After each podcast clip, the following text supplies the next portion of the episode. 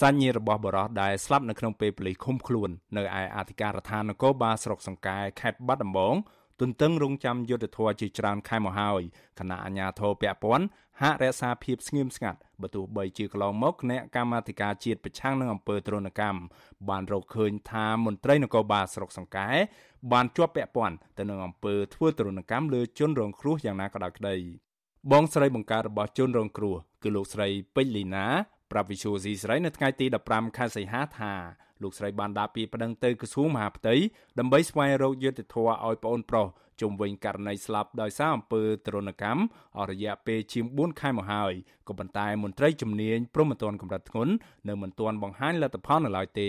លោកស្រីខកចិត្តជាខ្លាំងចំពោះការយឺតយ៉ាវនៅក្នុងការស៊ើបអង្កេតដែលបានធ្វើឲ្យប៉ះពាល់ដល់ការទទួលបានយុត្តិធម៌និងធ្វើឲ្យអ្នកប្រព្រឹត្តនៅក្រៅសំណាញ់ច្បាប់ លោកស្រីបន្តអំពាវនាវដល់អាជ្ញាធរពាក់ព័ន្ធឲ្យពន្យាការផ្ដល់យុត្តិធម៌ព្រោះប្អូនប្រុសរបស់លោកស្រីបានស្លាប់ដោយវេទនាបំផុត មានតែឲ្យដំណឹងខ្ញុំមិនទាំងអត់មានផងចឹ ងហើយបានខ្ញុំបារម្ភខ្ញុំនៅតែថោះខ្ញុំនៅឡាយខ្ញុំចង់ឲ្យបានយុត្តិធម៌មកបងអូនខ្ញុំតែគាត់ស្លាប់ហ្នឹងគេថាមន្ត្រីសមត្ថកិច្ចហ្នឹងគាត់អ្នកកាន់ច្បាប់ប៉ុន្តែគាត់យកបងអូនខ្ញុំទៅសួរចម្លើយរហូតដល់ស្លាប់តែបងអូនខ្ញុំមិនទាន់បានកាត់ក្តីពីតុលាការមិនទាន់នឹងថាខុសអីគាត់ត្រឹមជាជនសង្ស័យសោះប៉ុន្តែត្រូវអ្នកច្បាប់យកទៅធ្វើទរណកម្មរហូតដល់ស្លាប់មានស្លាកឆ្នាំគឺជាក់ស្ដែងអូខ្ញុំយកទៅរស់មកវិញស្លាប់ចាអញ្ចឹងគាត់ត្រូវទទួលខុសត្រូវខ្ញុំចង់ឲ្យច្បាប់អនុវត្តទៅលើសមត្ថកិច្ចត្រីដែលជាប់ពាក់ព័ន្ធទាំងអស់ផ្ដល់យុត្តិធម៌ឲ្យបងអូនមកខ្ញុំវិញ លោកស្រីពេជ្រលីណាបញ្ជាក់ថាលោកស្រីបានជួបជាមួយអង្គការសិទ្ធិមនុស្សដើម្បីប្រឹក្សាផ្លូវច្បាប់និងស្នើសុំមេធាវីការពីក្តីរួចហើយដើម្បីរៀបចំពាក្យបណ្ដឹងដាក់ទៅតុលាការបន្តទៀត កាលពីថ្ងៃទី16ខែមិថុនាកន្លងទៅគណៈកម្មាធិការជាតិប្រឆាំងនឹងអំពើទរណកម្មបានចេញផ្សាយរបាយការណ៍ស្រាវជ្រាវរបស់ខ្លួនដោយសន្និដ្ឋានថាជនរងគ្រោះឈ្មោះពេជ្រធីរ៉េតអាចស្លាប់បណ្ដាលមកពីការវាយធ្វើទរណកម្មស្រាលឬធ្ងន់នៅក្នុងពេលប៉ូលីសឃុំខ្លួននៅអធិការដ្ឋាននគរបាលស្រុកសង្កែក៏ប៉ុន្តែมันបានចាប់ជនល្មើសមកផ្ដន្ទាទោសតាមច្បាប់នៅឡើយទេគណៈកម្មាធិការជាតិប្រឆាំងនឹងអំពើទរណកម្មបានរុញសំណុំរឿងនេះ ទៅឲ្យអគ្គស្នងការដ្ឋាននគរបាលជាតិដើម្បីស៊ើបអង្កេតបន្ថែមទៀតក្រុមហេតុផលថាមន្ត្រីប៉ូលីសពាក់ព័ន្ធនៅក្នុងខេត្តបាត់ដំបងផ្ដល់ចម្លើយផ្សេងផ្សេងគ្នាចាប់តាំងពីពេលនោះមកគ្រួសាររបស់ជនរងគ្រោះអះអាងថាអាញាធរមិនដែលផ្ដល់ដំណឹងអំពីការស៊ើបអង្កេតនោះទេជុំវិញរឿងនេះប្រធានគណៈកម្មាធិការជាតិប្រឆាំងនឹងអំពើទរណកម្មលោកនុតសាអានបដិសេធបកស្រាយជុំវិញលទ្ធផលនៃការស៊ើបអង្កេតដោយលោកលើកហេតុផលថាលោកកំពុងធ្វើចតាឡេសា ចំណែកឯប្រធានការិយាល័យព្រំប្រទានកម្រិតធ្ងន់នៃក្រសួងមហាផ្ទៃលោកហែមបូណា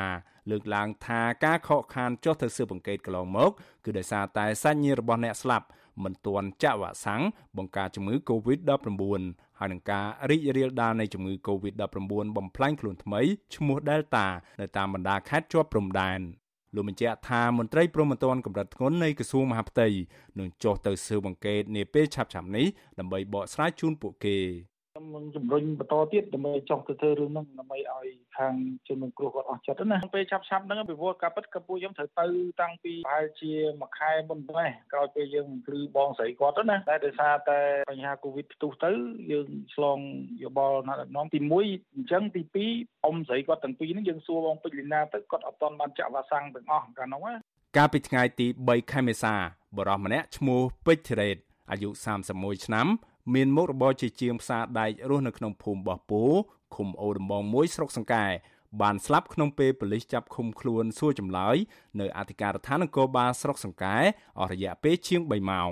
ការខាត់ខ្លួននេះដោយសារតែប៉ូលីសសង្ស័យថាគាត់បានរីខ្សែភ្លើងអគ្គិសនីដើម្បីឆក់សម្លាប់ប្រពន្ធនៅក្នុងផ្ទះដោយសារតែភ្លើងប្រច័ណ្ឌក៏ប៉ុន្តែសាកសីអះអាងថាក្នុងពេលកាត់ហេតុបរិសុទ្ធជាប្តីរូបនេះមិនបាននៅផ្ទះនោះឡើយ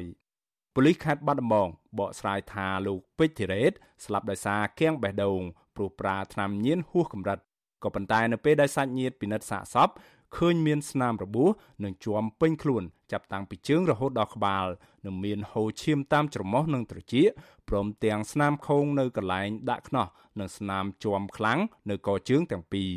លើពីនេះទៀតសម្លៀកបំពាក់របស់ជនរងគ្រោះត្រូវបានផ្លាស់ប្ដូរហើយសាច់ញាតិអះអាងថាសមត្ថកិច្ច បានព្យាយាមរារាំងមិនឲ្យសាច់ញាតិនិងអ្នកកសែតពិនិត្យសាកសពទៀតផង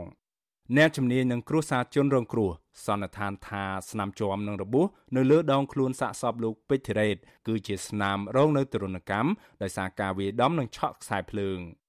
មន្ត្រីសម្របសម្រួលសមាគមការពារសិទ្ធិមនុស្សអាត6ប្រចាំខេត្តបាត់ដំបងលោកយិនមេងលី មានប្រសាសន៍ថាមន្ត្រីជំនាញរបស់ក្រសួងមហាផ្ទៃមិនគួរបណ្តែតបណ្តោយទៀតទេព្រោះគ្រួសារលោកពេជ្រធីរ៉េត ចង់ដឹងលទ្ធផលនៃការស៊ើបអង្កេតជាខ្លាំង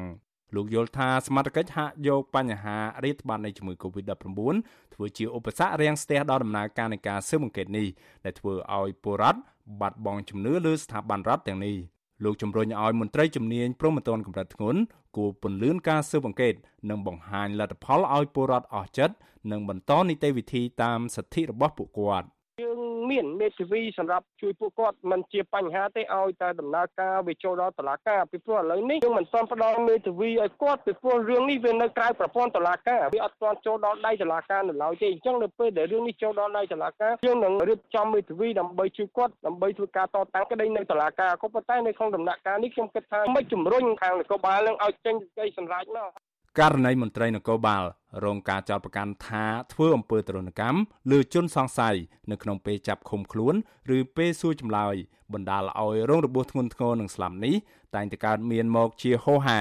ក៏ប៉ុន្តែក្រុមគ្រួសារជនរងគ្រោះកម្រទទួលបានយុត្តិធម៌ណាស់មន្ត្រីអង្គការសង្គមស៊ីវិលនិងប្រជាពលរដ្ឋព្រួយបារម្ភថាករណីទរណកម្មលើជនសង្ស័យបែបនេះនឹងនៅតែកើតមានឡើងជាបន្តទៀតប្រសិនបើការអនុវត្តច្បាប់ពុំមានប្រសិទ្ធភាព ដោយទុកឲ្យជនដៃដល់នៅតែមានសេរីភាពរស់នៅក្រៅសំណាញ់ច្បាប់បែបនេះខ្ញុំបាទមានរិទ្ធ Visual C ស្រីរាយការណ៍ពីរដ្ឋធានី Washington